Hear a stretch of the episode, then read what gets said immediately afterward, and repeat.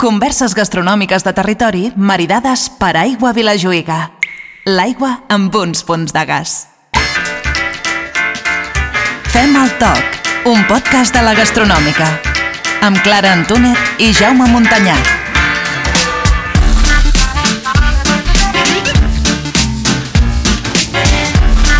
Hola, Jaume. Hola, Clara. Escolta, on vas de fresca? Què vol dir això de fresca? Doncs que havíem dit que avui necessitàvem un uniforme especial, armadura i espasa. Ah, doncs no ho sabia pas, que per entrar al castell de Requesens es necessités dress code. No ben bé. És perquè no se'ns endugui la tramuntana de l'Albera. Va, passa. Fem el toc o què? Vinga, marxem cap a Can Requesens a fer el toc. Fem el toc?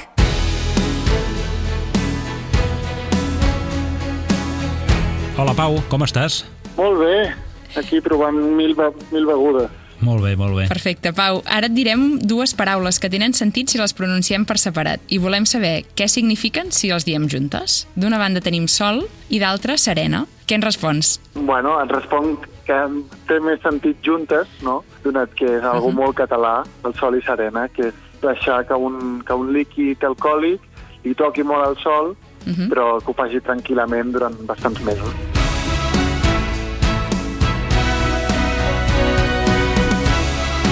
En Pau Matías Guiu és enginyer químic especialitzat en destilats, dissenyador de menjar i begudes i responsable tècnic de Priorat B&D Lab. A veure, Pau, per què redimonis la gent fa el sol i serena a Catalunya? Pues és ben, ben estrany. Arreu del món es fa de diferents maneres, això de eh, escalfar el, el vi o les begudes alcohòliques per obtenir uns certs aromes especials que ens agraden a la cuina i també als sobretaules, etc. Però aquí a Catalunya som una, mi una mica bèstia, això, i, el que, i el que vam, no sé per què es va començar, però és a ficar directament els vins al sol. I per què, per què es va començar a fer? Que pressuposa, clar, tot són no, llegendes, però que el, la gran gràcia és que així podem oxidar molt ràpidament el vi i podem fer un envelliment accelerat. En altres llocs del món es fan diferents tipus d'envelliment accelerat. El més famós potser serien els vins de Jerez i els vins de Porto, uh -huh. que es fan amb botes durant molt de temps. Els vins de Madeira es fiquen les botes a, a llocs molt càlids perquè el vi tingui molta calor. Eh, hi ha gent que fa whiskies accelerats, que el que fa és calenta molt el whisky i el refreda perquè s'acceleri, però aquí a Catalunya, tradicionalment, el que s'ha fet és ficar directament amb un envàs de vidre eh, begudes alcohòliques per així accelerar molt ràpidament el seu envelliment. Escolta'm, així com passa amb la, amb la... Així com passa amb l'emmagatzematge de l'oli... Per exemple, o d'altres líquids, el color del vidre incideix directament en la qualitat de la conservació del producte? Bueno, quan, quan busques el sol i serena tant se val.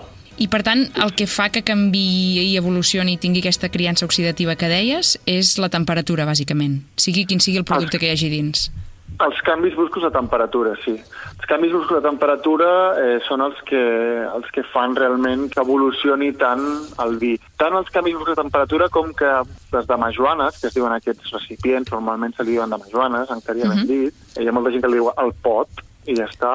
Normalment tenen una capa d'aire important entre el líquid i el tap. I llavors aquesta capa d'aire també influeix bastant. Si és gran, doncs encara s'oxida més. Va, Però sí, sobretot el que es busca amb el sol i serena és que el sol vagi directament al líquid. Imagineu-vos que tinguem un dipòsit que sigui d'acer inoxidable. Uh -huh. Si el sol toca l'acer inoxidable, l'acer inoxidable es fica molt calent, Clar. però el líquid de dintre no. Uh -huh. I llavors és un envelliment molt, molt, molt més lent. Vale. Si ho féssim amb un gerro, passaria el mateix. Però, en canvi, la gràcia del sol i serena és que es fa amb, amb, amb envasos de vidre i llavors el sol, diguem, els fotons, per d'una manera, impacten directament contra el líquid i es calenta molt, molt ràpid. I Vale. normalment en els ser envasos petits, a la nit, s'enfreda, s'enfreda molt ràpid. Llavors, aquesta variació de temperatura de dia, nit, dia, nit, dia, nit, durant tant de temps, amb les ratafies normalment són 40 dies, amb el dir que esteu parlant és, és, he llegit Són 5 anys 50 o més de 5 anys, no? sí. una, una passada, sí. però bueno, sí, aquesta variació diguem que, que afavoreix molt la, la criança oxidativa. A Pau, i sabem a quan poden arribar de temperatura? Molt alta. No, no t'ho sé dir, mira, no ho he mirat mm. mai, però t'imagina't, jo estic al Priorat ara mateix treballant i a l'estiu, si trenques un ou damunt d'un cotxe, fas un ou fregit. Ostres. Eh, allà, allà doncs, no sé, més de 40 jo crec que es pot arribar. Uau. déu nhi I quins productes tenim a Catalunya que es fabriquin seguint aquesta tècnica? Tradicionalment són tres productes que es fabriquen amb aquesta tècnica. Un és el vi ranci. Tradicionalment, el vi ranci a nivell bueno, industrial, sí, a, a nivell de, per, De produccions per, fer- més per fer grans, una sí. mica de volum, sí, el que es fa és, es fica, bueno, la cooperativa de Falset ho podeu veure clarament i diferents llocs, doncs moltes de majoanes amb molt de vi que passin tot l'estiu patint el vi i després aquest vi es treu de la majoana i es passa una mica per bota perquè tingui una aquesta perspectiva, diguem, més relaxada. I després ja es venia com a, com a vi per cuinar o com a vi per, per beure amb el, fent un ranci. Llavors això és molt, molt, molt tradicional català i, i jo almenys no he vist a cap part altra del món. I després a Catalunya també tenim el vi de nous, Sí? que és semblant, que és ficar-hi vi, vi negre amb nous i així també hi ha envelliments d'un any sencer, el sol i serena. Quan fa sol a l'estiu i fiquen amb un grau alcohòlic, a l'hivern hi fiquen un altre, bueno, tot és una litúrgia molt bonica Vale. de a Sant Joan no sé què, a Sant Miquel es fica Que no sé xulo. quantos. I, bueno, és, és molt bonic. I per últim, les ratafies, Mhm. hi, ha, hi ha diferents tipus de ratafia, hi ha de codony, hi ha les de nous verdes, hi ha les uh, flors de magnòlia, etc. També té, té aquesta tradició. I el que es busca és això, oxidar ràpidament.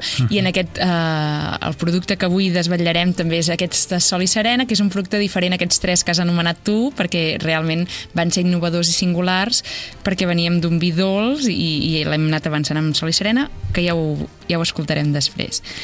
Ens deies que aquesta gerra de vidre es diu Dama Joana. D'on ve aquest nom? Hi ha diferents llegendes, Uh -huh. però, el, però tot, totes diuen que el, cap al 1500, no? Vale. I, i la, més, la més bonica o la, més, la, la que més cops he sentit jo és que hi havia una, una reina que va entrar en un taller on es feien ampolles, Uh -huh. eh, li va fascinar aquest món i el mestre bufador Sí. eh, va decidir fer-li una ampolla molt gran per la reina, no? Va, és un... I, i d'aquí ve el nom, que aquella reina, no me'n recordo el seu nom, però era Joana de Algo, Uh -huh. Com totes les, les reines que són de Algo, i llavors Sí, sí. Eh, li van dir aquest tipus de recipient dama Joana, perquè era la- l'ampolla de la dama Joana. Ai, que interessant, molt bonic. I quina capacitat han de tenir? Jo, jo n'he vist de 5 a 58.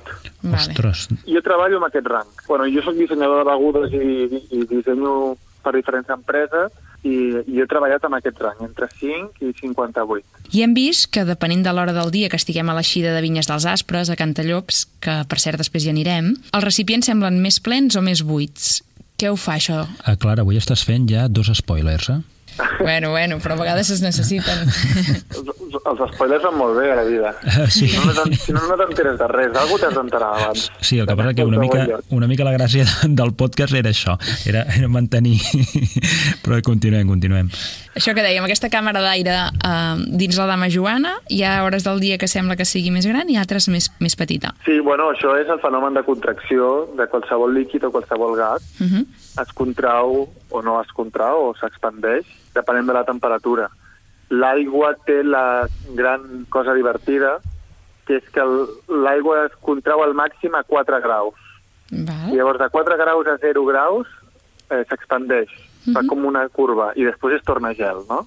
Sí. pues aquesta curva que fa de 0 graus va baixant el seu volum fins a 4 graus i després de 4 graus fins a 100 graus segueix augmentant el seu volum i augmenta el seu volum. Per això si fiquem una ampolla de vi sola, encara que no tingui gas, pot Sortirà ser que ens, que ens peti el tap. sigui per què? Perquè aquest líquid s'expandeix. Per això és tan important quan embotelles vi o, qual- o vermut o qualsevol producte que, hagi, que el tap no estigui enganxat amb el líquid, que hi hagi una capa d'aire. Per què?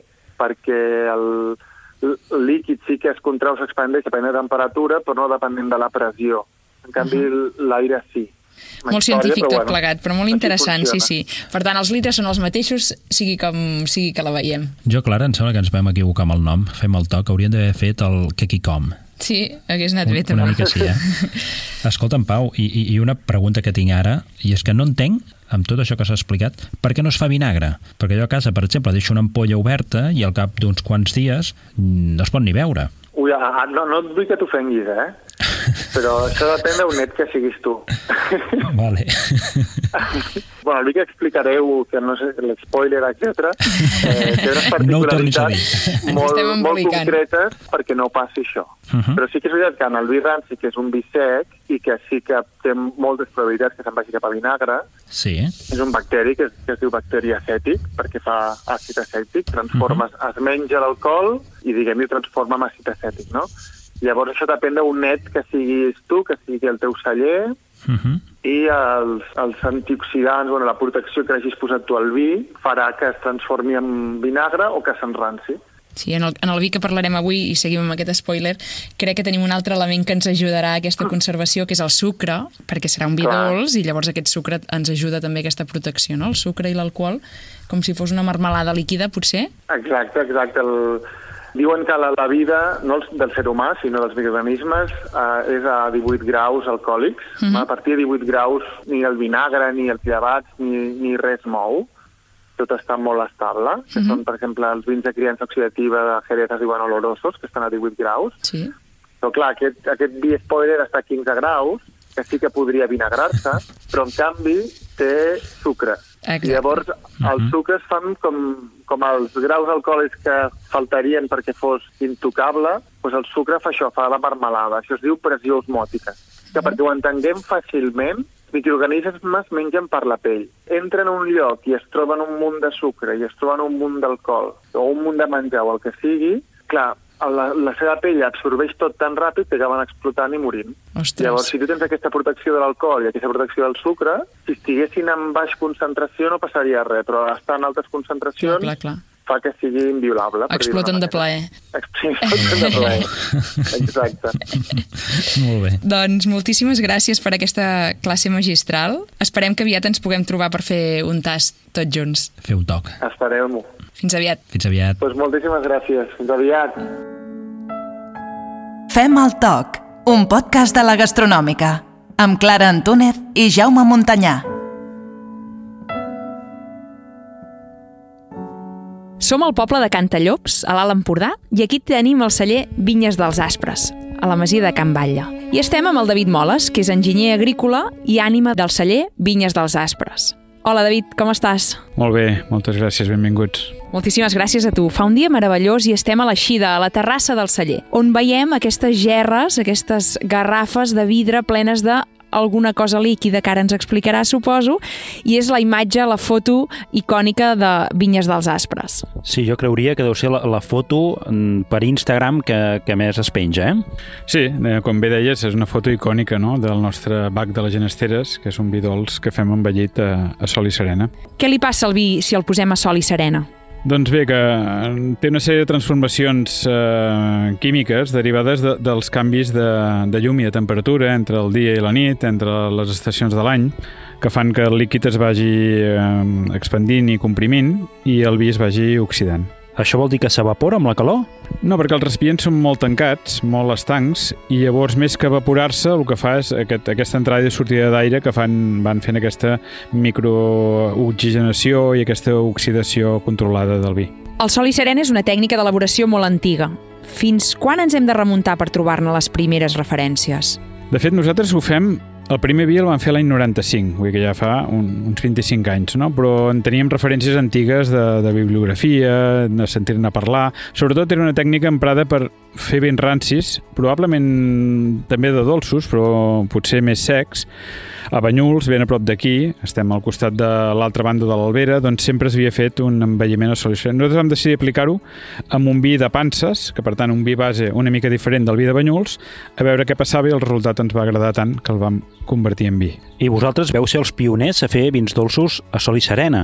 Teniu constància d'algun altre celler que els elabori amb aquesta tècnica? Ara mateix a l'Empordà som uns quants elaboradors que fem vins a sol i serena. El que passa que per la constància que tenim som els únics que fem un vi de raïm sobremadurat envellit a sol i serena. És a dir, la majoria dels casos el vi base és una garnatxa clàssica de l'Empordà i no un vi de panses.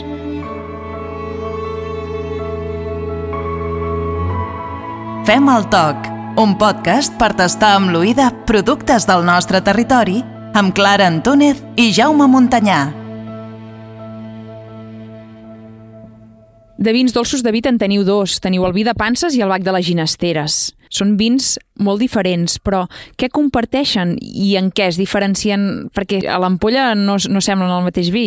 A veure, comparteixen que en el fons o en origen són el mateix vi, perquè tots dos són el vi de panses. La diferència és que un té l'envelliment a sol i serena i l'altre no. És dir, el vi de panses és un raïm sobremadurat de lledoner roig, que el deixem assecar i elaborem el vi a partir de les panses. I el bac de les ginesteres és el mateix vi, però amb aquest envelliment d'aquests anys d'envelliment amb garrafes de vidre al sol.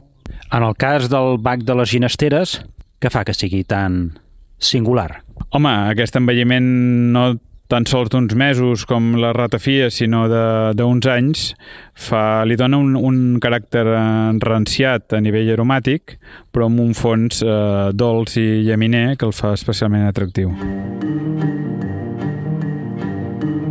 I el nom, el nom eh, també és molt atractiu, molt poètic, Bac de les Ginesteres. Per què li veu posar aquest nom? D'on ve i, i, i amb què relaciona amb, amb casa vostra? Bé, això mm, és una llarga història, perquè en aquesta casa eh, s'hi va casar doncs, eh, el mestre Eduard Toldrà, que és un eminent compositor doncs, noucentista, que es va casar amb una pobilla de, de la casa i aquí va fer una part important de la seva obra. Una de les peces era el Bac de les Ginesteres, que feia referència a un paratge que hi ha al costat de les vinyes, i és per això que vam decidir posar aquest nom en el, en el nostre vi més icònic, segurament. De fet, és l'únic dels vostres vins que té nom de sardana o n'hi ha algun altre? N'hi han dos. Uh, hi ha el Bac de les Ginesteres, que és el vi, el vi dolç, i el Salou, que és un vi negre doncs, de, de la finca de Salou, que també aquesta finca i aquesta vinya més singular que tenim va donar nom també a una peça del, del compositor. Per tant, els noms dels vostres vins, curiosament n'hi ha dos, que són dos del, dels més deliciosos o dels més especials, que comparteixen nom de paratge i nom de, de cançó. Exactament, nom de paratge, nom de cançó i bueno, aquesta poètica, diguéssim, eh, de musical, doncs, bueno, és el que intentem portar a nivell eh, gastronòmic, no? Vull dir que, que esdevinguin vins especialment plaents i especialment singulars.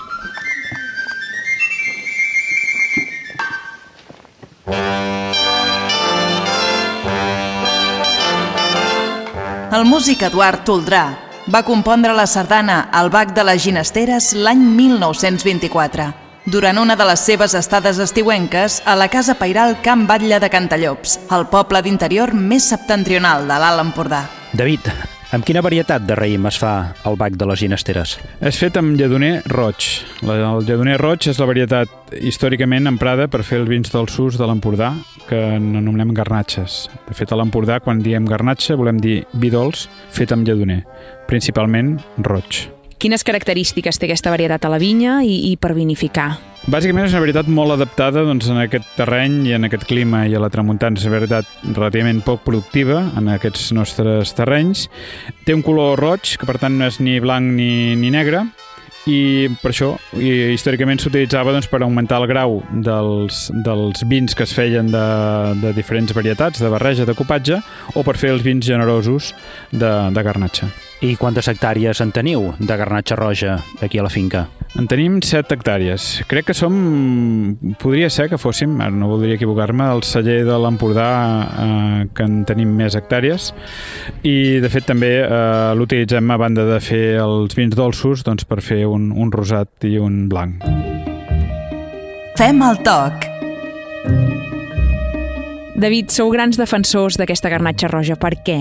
Perquè la garnatxa roja és una varietat molt eh, autòctona, exclusiva, té una idiosincràsia empordanesa que la fa diferent de totes les altres varietats, molt adaptada al nostre terreny i al nostre clima i que fa vins realment doncs, amb molta, molta personalitat i sobretot molt diferenciats, perquè és autèntica, perquè és genuïna, perquè és única, perquè és exclusiva, perquè és diferent i perquè és llaminera. Perquè és deliciosa, li han donat el Premi Girona Excel·lent. Sí, li han donat el Premi Girona Excel·lent per tercera vegada consecutiva com a millor vi dolç de les nostres comarques, cosa que ens omple d'orgull i satisfacció. Quan em parles que, que és d'aquí empordanesa, vols dir més d'aquí de Cantallops o la podríem trobar a tot l'Empordà? No, tot l'Empordà. El que passa que l'Empordà en conjunt potser n'hi deu haver 50 hectàrees. Nosaltres en tenim 7 d'aquestes 50. Eh, on hi ha encara moltes, uns centenars d'hectàrees són a l'altra banda de l'Albera, darrere, darrere nostra, a la plana del Rosselló. Encara és una veritat molt més utilitzada que aquí. Perquè això també, Clara, em sembla que podríem, podríem situar on és Cantallops. Cantallup sí, està al peu de l'Albera, a tocar la Junquera, a la frontera ben bé, i per tant estem sou cosins germans amb, amb la Catalunya Nord, eh? esteu molt propers en, en manera d'elaborar vi, en manera d'entendre la vinya, tot això. Sí, tenim molts punts en comú. De fet, les nostres uh, vinyes eh, es van empaltar amb, amb varietats procedents d'un poble que està a l'altre costat de la, de, la, de la Serra de l'Albera, no? I efectivament, geogràficament, som el municipi que estem més al nord de l'Empordà de tots els que fem vi. Podríem dir que aquí la tramuntana també bufa fort, eh? La tramuntana aquí és especialment forta, a vegades massa i tot. La tramuntana busquem aliances, busquem allò la part positiva, no? I una de les aliances justament és la secatge d'aquest raïm que ens permetrà fer aquests vins generosos, no? L'altra aliança és evidentment que la tramuntana seca i evita, bueno, ens ajuda molt a combatre doncs, els fongs que podrien atacar la vinya. Per tant, el conreu el podem fer d'una forma molt més natural i, i sostenible, no? Uh, D'altra banda, ara mateix, vull dir, aquests fa pocs dies hi ha hagut un, una tramuntanada forta que, com que els brots de la vinya encara són tendres, ens ha trencat una part de la, una part de la brotació, no? Vull dir que, bueno, entre poc i massa. Tenim una relació, jo sempre dic, amor-odi amb la tramuntana.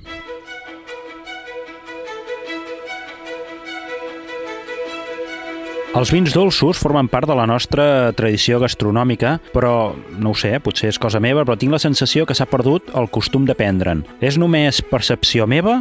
O l'Empordà era terra de vins dolços i ara el seu costum és més aviat testimonial en comparació amb altres varietats de vi? Efectivament, ara, ara el consum de vi dolç és molt testimonial. Em sembla que les darreres estadístiques ens diuen que només dos de cada 100 ampolles de vi que venem a l'Empordà són de vi dolç sembla molt poc, però som la denominació d'origen catalana que, que fem més vidols. Vull dir que, tot i ser els que en fem menys, eh, que en fem molt poc, diguéssim, som els que en fem més de, de totes les deus catalanes. Aquests números eh, fan posar la pell de gallina, eh? I per què creus que passa això? Bé, és un vi que històricament, eh, a veure, fa 50 anys el, el panorama vitícola empordanès era bàsicament de, de carinyanes negres que per produir quantitat i uns vins d'una qualitat, diguéssim, segurament millorable.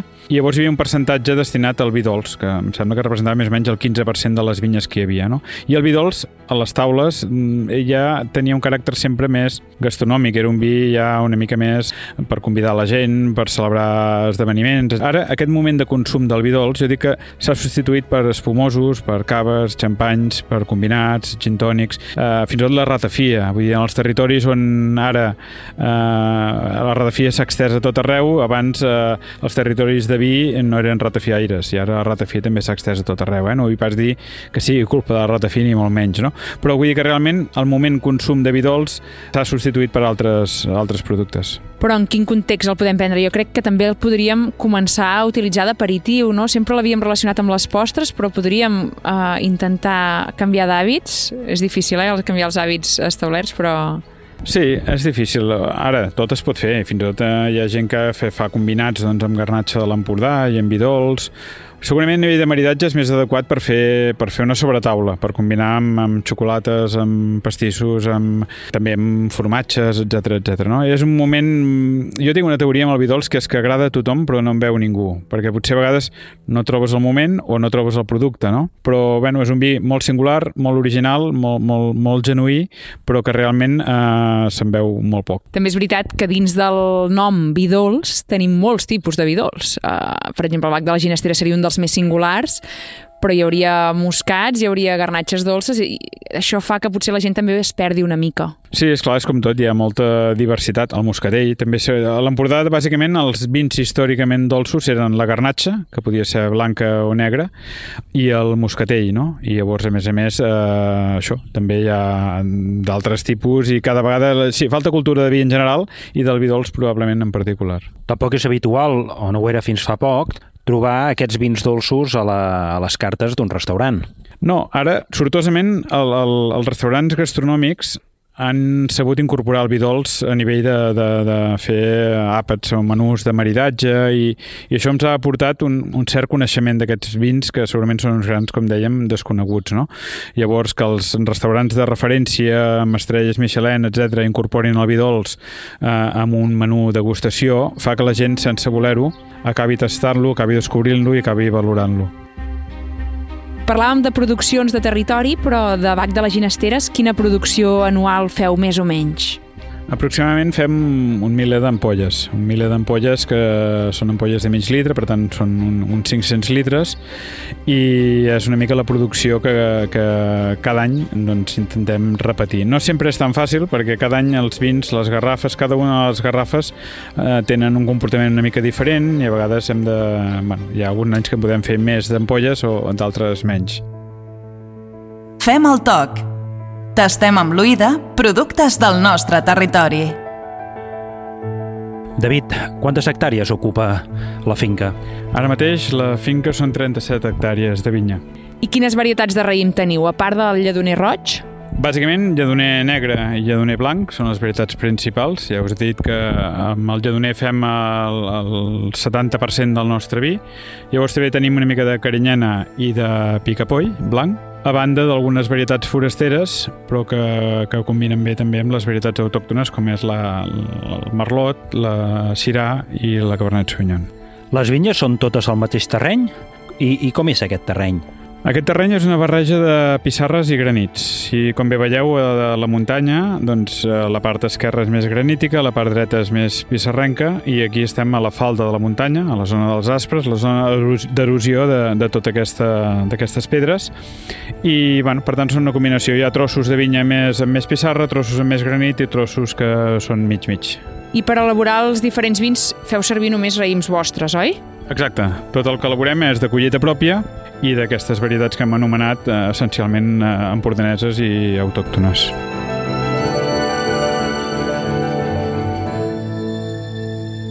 Se'ns està acabant aquesta vinya que hem començat a, a travessar, David, i estem entrant en un bosc. Explica'ns quin bosc tenim aquí. Mira, això és la Sureda de la Plana, que és un bosc d'on traiem eh, l'escorça dels suros cada 14 o 15 anys per fer una part dels taps que taparan els nostres vins. Vull dir, busquem aquest, eh, la figura del tap de finca, que en diguem taps de, de, del mateix paisatge que de l'entorn de les vinyes, el vi i el tap formen part una mica del mateix territori.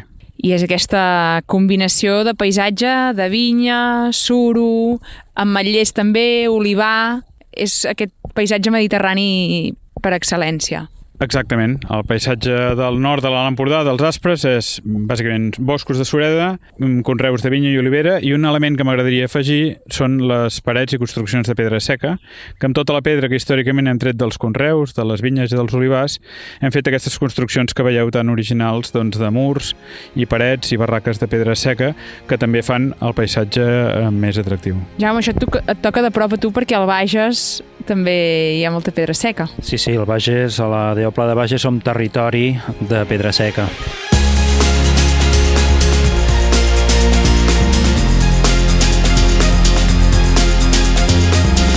Tornem cap al celler Vinyes dels Aspres, que engloba diferents espais, alguns d'ells remodelats, el celler nou, el celler antic, el corral i el magatzem.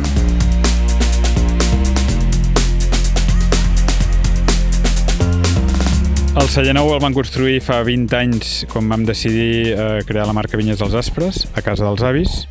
El celler antic doncs, eh, té orígens ja al segle XV, que és el celler antic eh, familiar, on des de fa segles s'elaborava vi i que hem decidit transformar per fer el celler, per fer l'envelliment i la criança dels nostres vins. No? Per tant, tenim un celler nou eh, absolutament contemporani d'elaboració, amb la maquinària adequada, un celler antic restaurat i ara hem fet una, dues ampliacions. A l'antic corral que tenia el ramat d'ovelles fa pràcticament 100 anys, doncs hem fet un espai per fer activitats eh, lúdico-festives, etc al voltant del món del vi i l'última ampliació que hem fet un magatzem eh, escultòric per eh, també fer l'envelliment amb botes de vi fet per un, per un escultor i ens ha sortit una obra doncs, molt, molt singular que en diem la Sala Nova o la Sala Toldrà.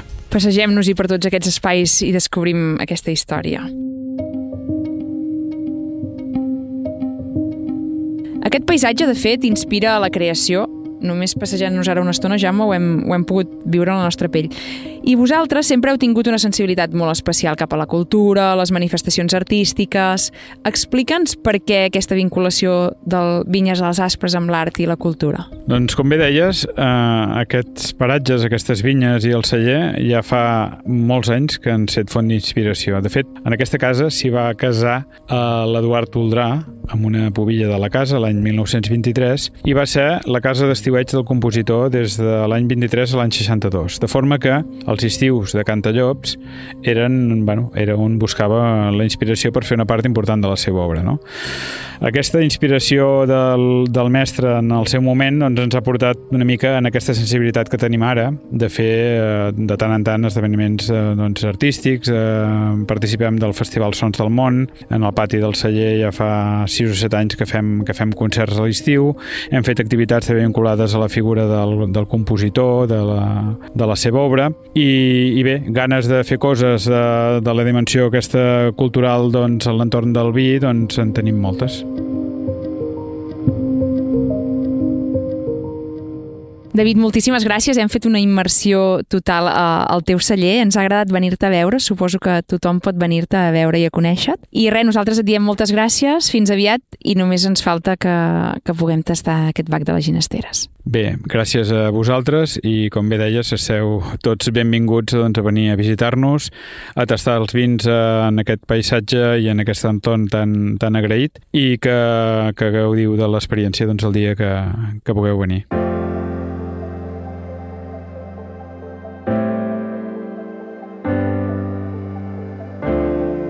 L'últim glob.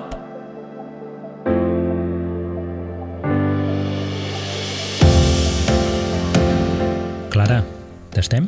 Oh, i tant que sí, Jaume. I avui m'agradaria començar fixant-nos amb el recipient, perquè ja que és tan important durant el procés d'elaboració a l'eixida, també a casa no ens deixarà indiferents. Veiem una ampolla esbelta, amb una foto en blanc i negre, que ens fa recordar les dames joanes on el vi ha viscut aquests més de 5 anys. El nom, Bac de les Ginesteres, i un subtítol que diu Vi dolç natural envellit, amb B baixa, però que també podria anar amb B alta. Com ho veus? Bueno, com sempre, veig que ets molt, molt, molt observadora i que tinc moltes ganes de tastar aquest, com hem dit abans, elixir. Vinga, doncs, obro l'ampolla. Quin color? A veure, m'ajudes? Tonalitat ambre? Sí, no? Una, un color cova, ambre...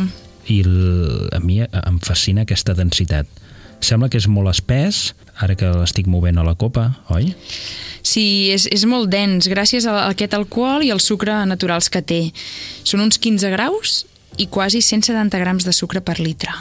Com bé deies, més que un vi, sembla un elixir. Bueno, ja saps que la, a mi els vins dolços són, són una de les meves debilitats i aquest bac de les ginesteres no és una excepció, sinó tot el contrari. Sí, de fet, dins de cada ampolla de vi dolç hi ha tantes converses, tant amor, tanta passió per l'origen, que fa difícils que et deixin indiferent, eh? Em deixes olorar? Olora, olora. Uf, és intens i molt generós. S'hi troba flor de taronger i d'ametller, confitura de préssec de vinya, clova de coco, mantega fresca, nous, matafaluga... Tot això has trobat? Tot això i més coses. És molt complex aquest pack de les ginesteres. Ha tingut 5 anys per, per créixer. A veure, m'ho pots tornar a repetir i a veure si... Uh, em sembla que hauries d'estar més atent, eh? Tornem-hi. Flor de taronger, ametller, confitura de pressa, coco una mica, mantega, nous, matafaluga. Matafaluga? Això no és el que aquell dia que vaig fer brunyols que li vaig posar? Sí, és aquella espècie anisada, notes anisades en aquest vi, ni notem forces. I en boca, sobretot es nota la fruita seca, no? Potser panses, eh, no sé, figues seques, avellanes, ametlles... Vaig bé o estic dient molts disbarats? Uh, quan estem ja saps que podem dir els disbarats que vulguem perquè tot pot ser veritat, sí, són records sí, sí, olfactius. però aquí tothom encén, a casa és una altra cosa. sí, és un vi molt franc. Amb nas i amb boca trobem els mateixos, les mateixes sensacions. Jo també noto una gamma de, de notes confitades. Confitura, fruita, com bé deies, seca, uh, però dolça, eh? aquestes panses, aquestes figues seques. També gust de mel i, sobretot, el més fascinant d'aquest vi és l'elegància i l'equilibri que té. No és gens pesat, i en canvi és un vi dolç llarg, llarg, llarg i molt plaent. A mi m'agrada que parlis d'equilibri, perquè, perquè com sempre em sembla que l'estem perdent. I si seguim bevent, ho deixem aquí o què? Va, doncs deixem-ho aquí. Mentre anem preparant el següent podcast, podeu seguir-nos a Spotify, iVoox i iTunes amb l'usuari Fem el Toc. I també a les xarxes socials de la gastronòmica, Twitter i Instagram, arroba guió baix la gastronòmica. Fins la propera! Cuideu-vos! Aquest és un podcast de la gastronòmica amb el suport tècnic de Ràdio Palamós i locutors catalans. Converses gastronòmiques de territori maridades per Aigua Vilajuïga. L'aigua amb uns punts de gas.